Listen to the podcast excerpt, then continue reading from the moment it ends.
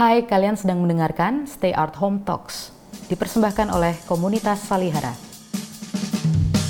Program ini menghadirkan kembali perbincangan yang terjadi di Salihara seputar masalah seni, budaya, dan sosial sebagai asupan pemikiran dan pemecah kejenuhan bagi kamu di mana saja.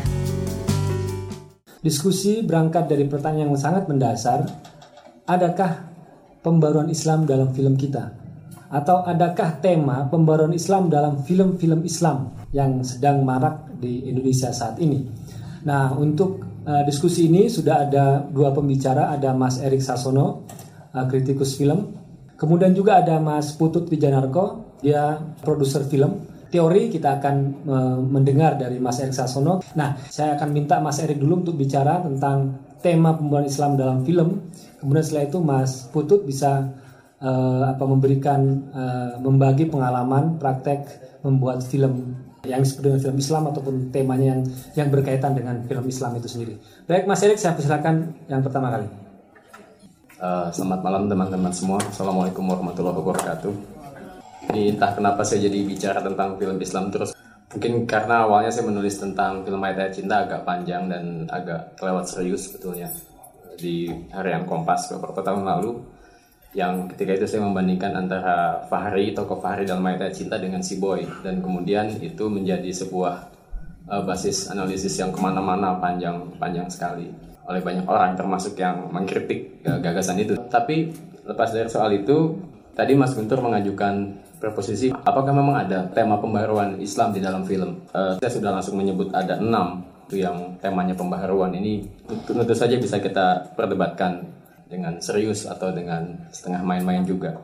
Tapi pada dasarnya sih sebetulnya enam film ini muncul dari dari apa yang dua tahun lalu uh, Mas Guntur uh, minta saya bicara, kemudian saya melakukan penelitian dan menonton film-film Indonesia yang lama tahun-tahun 70-an 80-an dan menemukan sesuatu yang agak mengejutkan bahwa ternyata film-film yang ditulis oleh Asrosani dan disutradarai oleh Hairul Umam itu punya pola-pola yang mirip. Ada kemiripan pola dalam film-film mereka dan pola itu adalah umumnya itu merupakan sebuah kritik terhadap situasi sosial lah katakan semacam itu ya sementara ini. Pada umumnya itu ada tokoh yang datang ke sebuah desa yang tertutup dan tokoh ini melakukan perubahan-perubahan uh, atas dasar uh, agama. Nah, ketika itu saya sedang menulis sebuah penelitian untuk sebuah jurnal Kemudian saya jadi membandingkan dengan film-film pasca 98 termasuk Ayat Cinta dan sebagainya. Ternyata ada bagi saya ada semacam perbedaan yang jauh sekali antara film-film yang ditulis oleh Asro Sani dan disutradarai oleh Mamang waktu itu dibandingkan dengan katakanlah Ayat Cinta atau ketika dia bertasbih yang juga disutradarai oleh Mamang. Pada tahun 1998, tokoh-tokohnya cenderung adalah tokoh-tokoh yang agendanya lebih banyak agenda pribadi, kemudian juga uh, tidak mengusulkan perubahan dalam lingkungan sekitarnya gitu ya. Beda sekali dengan pada masa itu. Ya mungkin memang konteksnya berbeda. Tapi uh, poin yang saya rasa uh, penting di sini adalah bagaimana sebetulnya karakter muslim itu ditampilkan pada masing-masing zaman yang berbeda itu. Nah, maka saya sampai pada kesimpulan bahwa pada waktu itu agenda untuk membuat tokoh muslim itu begitu tidak hanya relevan bagi masyarakat tapi juga ikut serta menyumbangkan sesuatu ke dalam konsep bangsa bahkan sebetulnya nanti kita akan cerita soal itu itu rupanya penting sekali. Dan uh, saya membahas uh, ada enam film mulai dari Al Kausar para Apprentice Kemerdekaan Titian Serambut di Belah Tujuh Sunan Kalijaga Nada dan Dakwah dan Sang Pencerah sebagai sebuah perbandingan. Nah jadi kalau misalnya kita lihat sebetulnya ada satu film lagi tahun 59 eh, Titian Seram di belah 7 juga judulnya yang dibuat dan ditulis dan disutradarai oleh Asro Sani. Tapi saya nggak sempat menonton film itu jadi nggak bisa saya bahas. Kemudian ada lagi film Tauhid sebetulnya juga ditulis dan disutradarai oleh Asro Sani. Cuma saya hanya sanggup menontonnya selama 10 menit karena film itu film dialog isinya hanya dialog tentang seorang dokter yang melakukan perjalanan haji dan bertemu dengan kapten kapal. Dia suaranya udah rusak sehingga nggak kedengeran. Jadi hanya gambar dan suara kresek-kresek yang nggak bisa saya dengar dialognya apa. Sehingga nggak bisa saya simpulkan juga apa isi film itu. itu uh, sebuah film yang sebetulnya film yang unik sekali karena itu film film pertama dan satu-satunya dari Les Bumi, lembaga seni budaya muslim Indonesia yang berada di bawah Nahdlatul Ulama. Jadi pertama dan terakhir. Jadi sebelum Muhammadiyah membuat atau mengendorse film, NU sudah duluan sebetulnya tahun 1960. Itu fakta yang lumayan lumayan penting sebenarnya. Sekalipun latar belakang dari situ adalah ada yang menarik juga.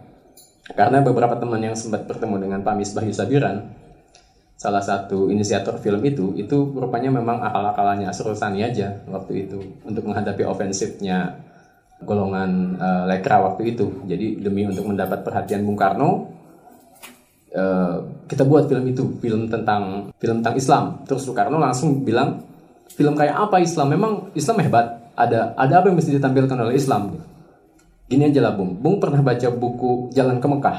Itu ditulis oleh Muhammad Asad uh, tahun 1929 kalau nggak salah tentang perjalanan spiritual dia mulai dari Eropa sampai ke Mekah melewati jalur uh, jalur sutra ya kalau nggak salah. Oh ya baca, saya akan buat seperti itu. Silakan buat kata Bung Karno. Gitu pulang si Misbah tanya, emang kamu punya cerita rol? Nggak ada kita buat-buat gampang lah nanti. Jadi dimulai dari itu rupanya dan akhirnya memang jadi dua film.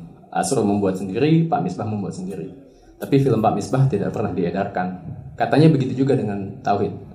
Tidak sempat diedarkan. Pak Misbah sendiri kabarnya hanya disimpan di sinematek saja judulnya Panggilan Nabi Ibrahim.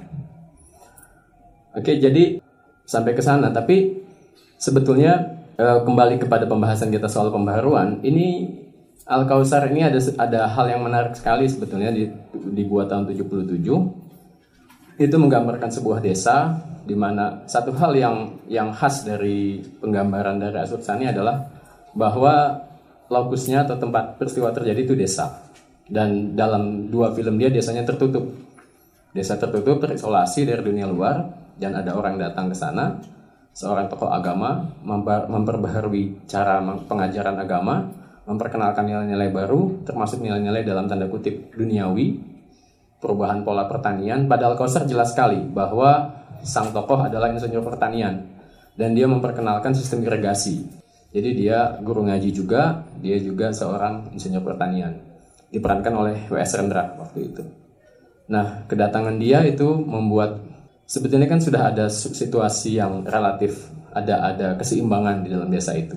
Keseimbangan yang sebenarnya keseimbangan yang berjalan berdasarkan eh, apa namanya? berdasarkan manipulasi kolusi dan uh, yang saling menguntungkan para elit.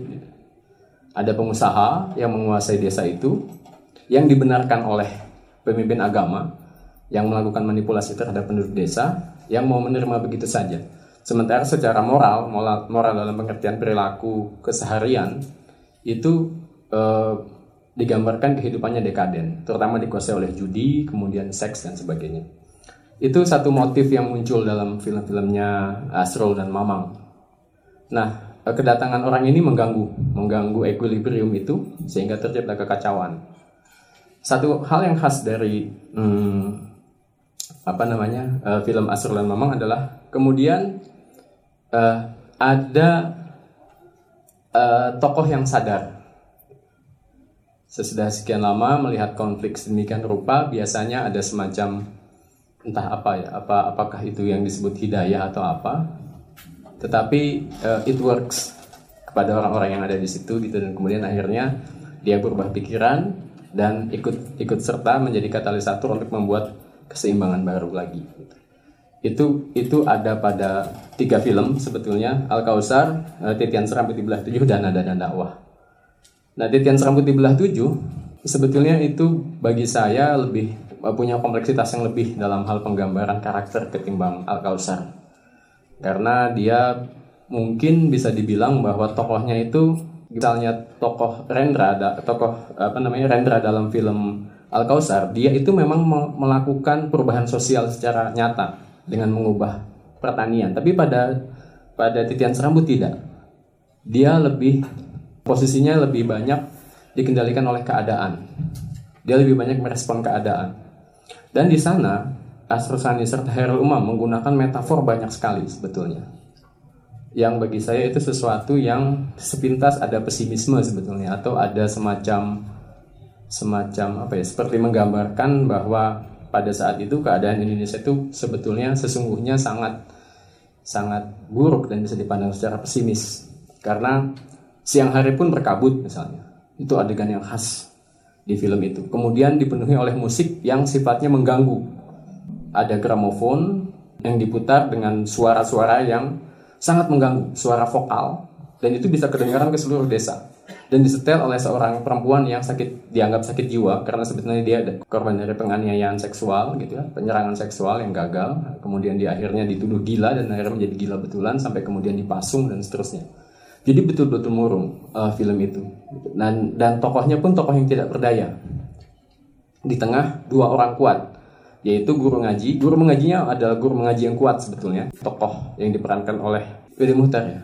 Dan satu lagi ya, pengusaha di sana diperankan oleh Soekarno M Nur dalam salah satu peran yang mungkin paling paling rumit sebetulnya ya. Karena dia digambarkan juga punya kecenderungan homoseksual atau biseksual sebetulnya dan ada hubungan hubungan uh, homoseksual yang sebetulnya mirip dengan hubungan warok dan gemblak gitu ya dalam tradisi reok uh, Jawa Timur ketimbang homoseksual yang sifatnya urban gitu ya. Jadi ada agenda itu meskipun dalam bayangan saya Asur Sani menggunakan itu sebagai metafor bagi Sodom dan Gomorrah ketimbang ingin bicara soal seksualitas. Uh, dia juga menggunakan misalnya tamsil Yusuf Zulaiha dalam film itu bahwa ternyata ketika si tokoh El Manik ini, tokoh Ibrahim, guru ngaji ini, digoda oleh oleh istri si uh, pengusaha. Dia menolak dan bajunya sobek di belakang. Kemudian uh, di, di, diikutiplah tamsil mengenai Yusuf Suleha kalau sobeknya di depan tandanya dia mengganggu. Tapi kalau sobeknya di belakang tandanya dia yang digoda gitu.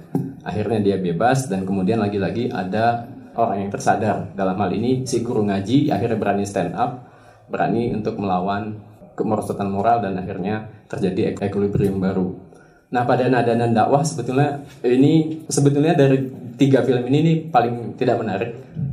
Dari segi perkembangan cerita, tapi sebenarnya dia menurut saya paling paling punya sikap politik tegas, lebih lebih lebih kelihatan lah sikap politiknya, karena biasanya tidak tertutup, melainkan biasa yang terbuka dan terbukanya justru terhadap aliran modal global gitu. Secara nyata desa itu sedang di, sedang mau dibeli e, tanahnya dan ingin dibangun pabrik oleh konglomerat dari Korea, pengusaha Korea. Bayangkan tahun 92 dia bicara mengenai Korea menanamkan modal di Indonesia. Kemudian ada pengusaha lokal yang menjadi komprador dan ini disebut oleh Zainuddin MZ dalam film itu almarhum Zainuddin MZ sebagai komprador. Bayangan saya tahun itu mungkin si Asrul baca bukunya Adi Sasono dan Sritua Arif dan kemudian menggunakan istilah itu sebagai itu kan sebetulnya gagasan-gagasan underdevelopmentalism tahun 70 yang diadopsi oleh dua orang pemikir tadi sampai tahun 89 awal 90-an. Tapi disebut demikian dan didefinisikan seperti itu oleh Asr Sani. Nah, bedanya dengan kedua yang awal tadi, yang ini tokoh otoritas keagamaan di desa justru melawan. Melawan dan mencari bantuan dari Jakarta sehingga terjadilah sebuah konflik antara kekuatan global dengan kekuatan Islam setempat kekuatan Islam domestik.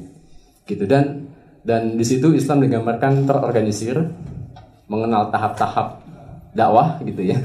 Kemudian juga e, mengajarkan hal-hal lagi-lagi hal-hal yang sifatnya duniawi untuk melepaskan para petani dari ketergantungan ekonomi terhadap e, sang tuan tanah yang berusaha untuk mengakuisisi tanah di sana. Jadi diajarkan juga pertanian, diadakan pembagian-pembagian kelompok-kelompok yang berbeda fungsi dan tugasnya. Jadi pengajiannya tidak hanya pengajian agama, ada pengajian yang sifatnya pengajian uh, cara bercocok tanam dan sebagainya. Uh, menurut saya ini ini sebuah komentar politik yang menarik ya dari Azur Sani. Kalau saya sempat menginterview Herul Umam mengenai hal ini dan menurut beliau sebetulnya uh, dia banyak menyumbang di dalam penceritaan itu dan mengubah banyak hal terutama pada aspek pengorganisasian kelompok-kelompok ini. Gitu. Saya nggak tahu karena nggak bisa mengkonfirmasi ke Pak Asrul yang sudah meninggal dunia. Nah itu nada dan dakwah sebetulnya lagi-lagi ada ada pihak yang sadar pengusaha lokal yang seharusnya menjadi proksi atau kepanjangan tangan dari kapitalisme global itu kemudian sadar dan akhirnya berbalik arah, berbalik sikap dan kemudian e, masalah bisa selesai. Preman-preman yang dibayar tadinya buat menteror desa itu akhirnya bisa diatasi untung ada Bang Roma gitu yang mengerahkan tenaga dan adu pukul dengan para preman itu dan mereka ditangkap polisi. Inilah uh, di, di antara ketiga filmnya Asrul dan Mamang muncul otoritas negara baru di sini. Otoritas politik baru muncul di sini. Biasanya tidak muncul. Mereka ada di kejauhan saja. Uh, ketiga film ini menarik sekali menggambarkan bahwa tokoh-tokoh Muslim ini tidak hanya berurusan dengan keimanan dalam pengertian sempit, tapi juga membuat dirinya menjadi relevan dengan persoalan di sekitarnya dan membuat perubahan-perubahan sosial, politik dan dan mengusulkan hal-hal seperti itu secara aktif ya. Kecuali pada uh, titian serambut yang agak pasif, tapi yang lain sifatnya sangat sangat aktif dan bahkan pada nada dan dakwah sifatnya bisa diulang itu aktivisme. Mereka adalah aktivis yang dengan sadar berusaha untuk melakukan perubahan politik bahkan. Nah, sebenarnya saya ingin sekali cerita mengenai para perintis kemerdekaan, tapi bisa lebih panjang lagi. Mengenai film itu. Kalau saran saya sih sebetulnya harusnya itu film ditonton, ditonton, ditonton lagi sekarang. Karena mungkin itu salah satu film yang paling sedikit ditonton, paling paling sedikit ditonton ya. Karena film itu tidak beredar di Jakarta pada tahun 77 dan hanya beredar di Jawa Timur itu yang saya tahu. Dan sempat itu aslinya adalah di bawah lindungan Ka'bah. Uh, akan muncul lagi nanti. Uh, tapi kabarnya ketika Asrul Sani menulis itu dia tidak puas hanya dengan hanya dari novel itu saja. Akhirnya dia mengambil uh, buku ayahku dari Hamka juga dan dipadukan keduanya sehingga ketika harus diubah judulnya menjadi para perintis kemerdekaan itu tidak terlalu masalah. Perubahan judul itu yang saya ketahui itu disebabkan oleh adanya penggunaan kata Ka'bah di dalam judul film karena itu kan tahun 77 tahun pemilu kan dan itu adalah sesuatu yang waktu itu kalau di mana-mana orang bilang Ka'bah sedemikian rupa bisa mengganggu. Jadi makanya diganti menjadi para kemerdekaan. Dan itu film menurut saya juga uh, demikian kompleks menggambarkan ada dua persoalan utama sebenarnya. Uh, settingnya adalah tahun 1920 ketika Indonesia masih berada dalam taraf masih dalam pergerakan nasional lah bisa dibilang seperti itu. Dan uh, satu hal yang mencolok dari dari sana adalah bahwa tokoh-tokohnya berusaha untuk melakukan uh, gerakan uh, apa namanya uh, ada semacam kesadaran emansipasi yang sangat tinggi dari dari uh, tokoh-tokohnya dan mereka adalah bagian dari gerakan yang memperjuangkan emansipasi. Uh, saya tidak menyebutnya sebagai nasionalisme karena justru gagasan nasionalisme seingat saya dalam film itu, itu disebutkan oleh para pengikut Tan Malaka. Pada waktu itu banyak pihak yang merasa tidak sabar dengan perjuangan dengan menggunakan pamflet dan pidato. Sebagian merasa harus ada perjuangan bersenjata. Pada waktu itu, jadi salah satu dialognya adalah ketika mereka sedang rapat, tiba-tiba Tan Malaka ada di sini. Ada yang datang dengan membawa kabar itu dan semuanya langsung berubah sikap. Tan Malaka ada di sini. Tidak dijelas, dijelaskan dalam film itu Tan Malaka siapa, apa dan bagaimana, tidak ditampilkan. Yang ada kemudian adalah orang mulai akhirnya pisah rapatnya, nggak ikut lagi rapat-rapat pencetakan pamflet, tapi ikut rapat di tempat lain. Dan mereka kemudian melakukan pidato yang dimulai dengan hubul watoni minal iman. Dan gak lama kemudian mereka melakukan pemberontakan bersenjata dan mati. Jadi uh, buat saya itu itu satu hal yang satu isu yang yang besar yang ditekel oleh karakter muslim di dalam film para perintis kemerdekaan yang mungkin sekarang eh, tidak kita lihat di mana mereka menceburkan diri dalam isu-isu masa itu isu-isu besar ideologi pertarungan ideologi eh, yang seperti apa yang sebetulnya yang harus muncul ketika itu itu untuk untuk para perintis kemerdekaan Kemudian saya sedikit membandingkan dengan dengan yang terakhir Sang Pencerah dari Hanung Bramantyo, film tentang Kiai Haji Ahmad Dahlan. Yang sebenarnya menurut saya sebuah film yang ambisius dengan dengan menggunakan setting yang yang luar biasa sebetulnya. Oh, uh, sebetulnya ada lagi Sunan Kalijaga, tapi mungkin ini nggak nggak saya bahas banyak sekalipun sebetulnya ada aspek yang menarik dari film Sunan Kalijaga, terutama itu film termasuk laris dan terlaris pada masanya waktu itu. kenapa saya golongkan dia menjadi sebagai salah satu film yang bertema pembaharuan, sekalipun mungkin ini bisa diperdebatkan, adalah karakter si Sunan Kalijaga itu sendiri. Nanti saya kita bicara sang pencerah. Karena satu hal yang agak tipikal di Sunan Kalijaga ini dan kemudian saya lihat juga ketemu di sang pencerah adalah dia berhadapan dengan situasi di mana apa lingkungannya itu hitam putih gitu. lingkungannya hitam putih waktu itu kan digambarkan keadaannya adalah Raden Mas Said yang kemudian menjadi Sunan Kalijaga itu berada dalam kerajaan Mataram pra-Islam dan itu dia adalah orang yang anak dari seorang tumenggung Kemudian dia sudah memiliki karakter-karakter yang memperlihatkan bahwa dia akan menjadi seorang pahlawan dalam tanda kutip. Karena dia tidak bisa dia melihat kemungkaran, katakan seperti itu, dia tidak bisa dia melihat kemiskinan, dia mengusahakan sesuatu gitu ya. Bahkan sampai melakukan kegiatan perampokan. Dia merampok orang kaya dan mendistribusikannya kepada orang miskin. Kemudian juga Sunan uh, Raden Mas Said ini sangat toleran waktu itu. Uh, jadi digambarkan ketika dia kemiskinan melanda negaranya dan banyak orang mati karena miskin. Lantas dia menemukan orang-orang itu meninggal, dia meminta supaya dikuburkan. Tapi ada yang membantah dia, tapi Raden, mereka kan orang Buddha. Dan kata-kata Raden Masaid, orang Buddha juga manusia, makamkan mereka dengan layak.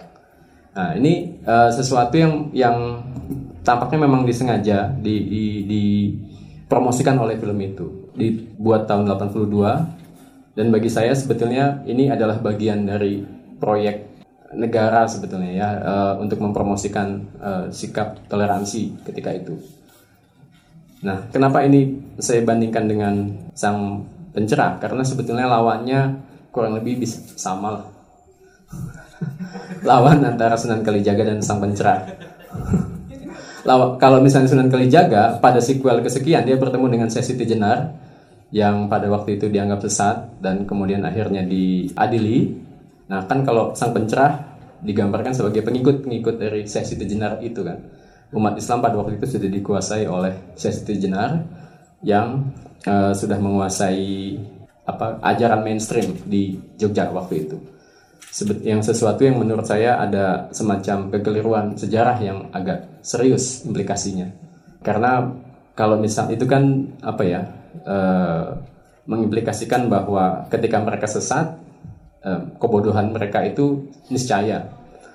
Ini satu hal yang beda beda dengan Asrosani di mana dia melihat potensi manusia untuk berubah menjadi baik.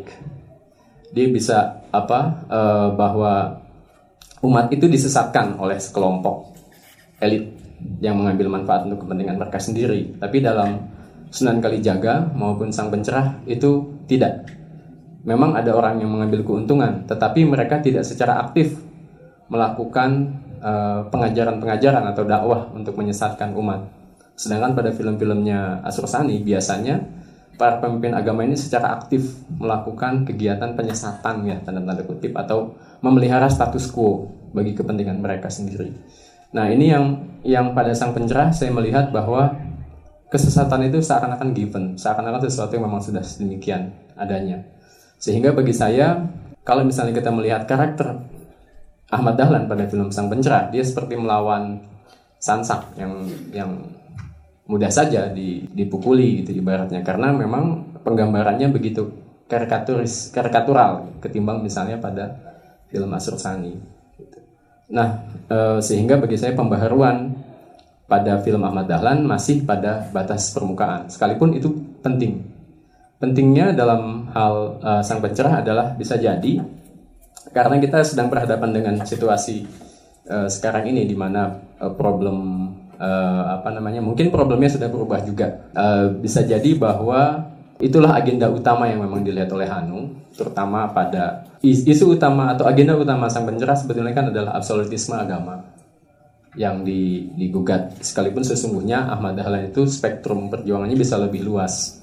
Misalnya dia bisa bicara soal spektrum ekonomi, terus juga bagaimana problem sesajen misalnya itu bisa menjadi problem ekonomi umat. Karena kan sesajen memberatkan sebetulnya. karena uh, itu harus menyediakan berbagai macam uh, apa namanya ya sesajen itu sendiri untuk kemudian tidak bisa mereka manfaatkan gitu. Itu kan sebetulnya problem ekonomi. Tetapi kan sang pencerah tidak melihat itu sebagai problem ekonomi. Semata-mata problem teologi. Dan memang absolutisme itu yang menjadi hal terpenting. Mungkin karena memang konteksnya adalah 2010 konteks ketika itu yang menjadi sasaran utama dari uh, kritik Hanum. Nah, saya sendiri merasa bahwa sifat dari sang pencerah ini ya, jangka pendek, tapi mungkin memang necessary kali. Terima kasih itu aja dari saya. Uh, Assalamualaikum warahmatullahi wabarakatuh.